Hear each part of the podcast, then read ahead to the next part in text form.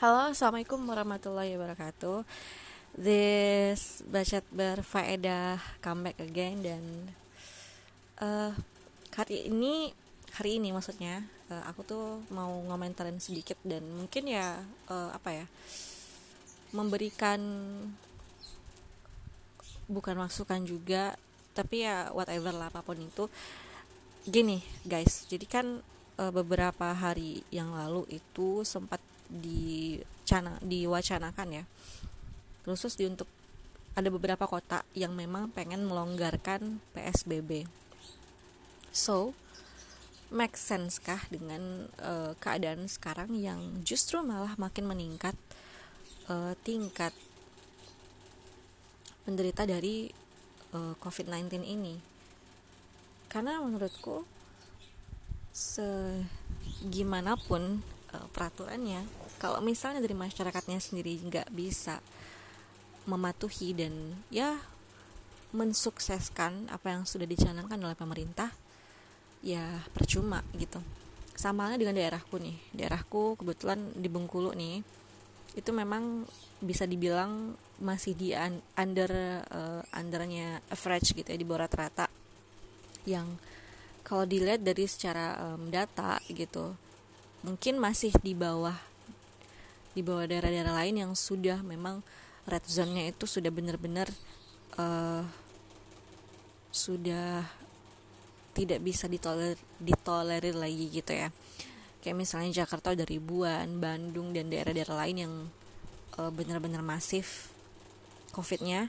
Nah kalau di Bengkulu itu untuk sampai sekarang nih sampai aku buat ini podcast itu masih terhitung 40 orang dengan um, jabaran satu orang meninggal dan satu orangnya sembuh gitu.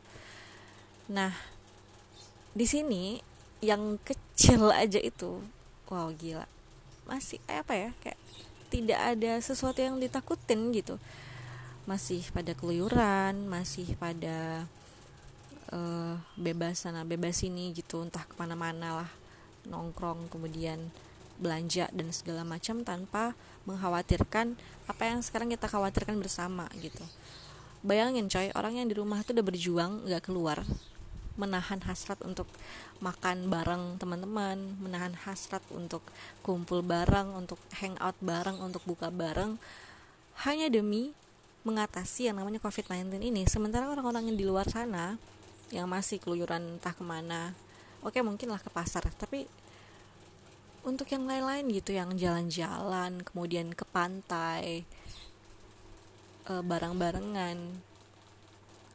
Kalau kita bisa menerapkan yang namanya physical distancing ataupun e, social distancing I mean kita mungkin keluar boleh gitu ya tapi tetap harus jaga jarak tetap tidak bersentuhan oke okay, it's okay. Mungkin bisa uh, ditolerir gitu ya tapi kumpul bareng terus berhadapan gitu ngobrol tanpa takut adanya resiko yang namanya tertular COVID-19 tadi. Make sense nggak gitu ya? Uh, I don't know lah entah apa yang dipikiran manusia.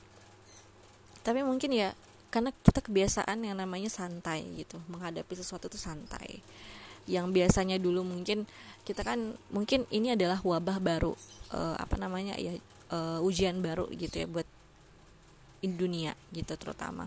Biasanya kita memang menghadapi uh, permasalahan yang tidak sampai segininya kita harus memikirkan bagaimana solusinya gitu ya. Biasanya kalau kayak gempa bumi uh, mungkin banjir dan hal-hal uh, musibah lainnya itu tidak sampai harus melakukan social distancing dan physical distancing juga kan. Tapi uh, karena kita tidak terbiasa dengan yang seperti itu makanya mungkin Indonesia agak lambat untuk ya menyelesaikan permasalahan ini.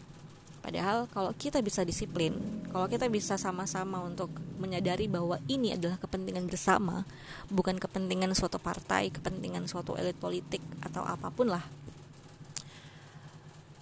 Aku yakin sih insya Allah kita bisa ya minimal mungkin satu bulan atau dua bulan itu udah bisa kelar. Meskipun itu virus memang tidak bakal pergi dengan cepat tapi minimal kita bisa meminimalisir hal yang bisa kita lakukan gitu.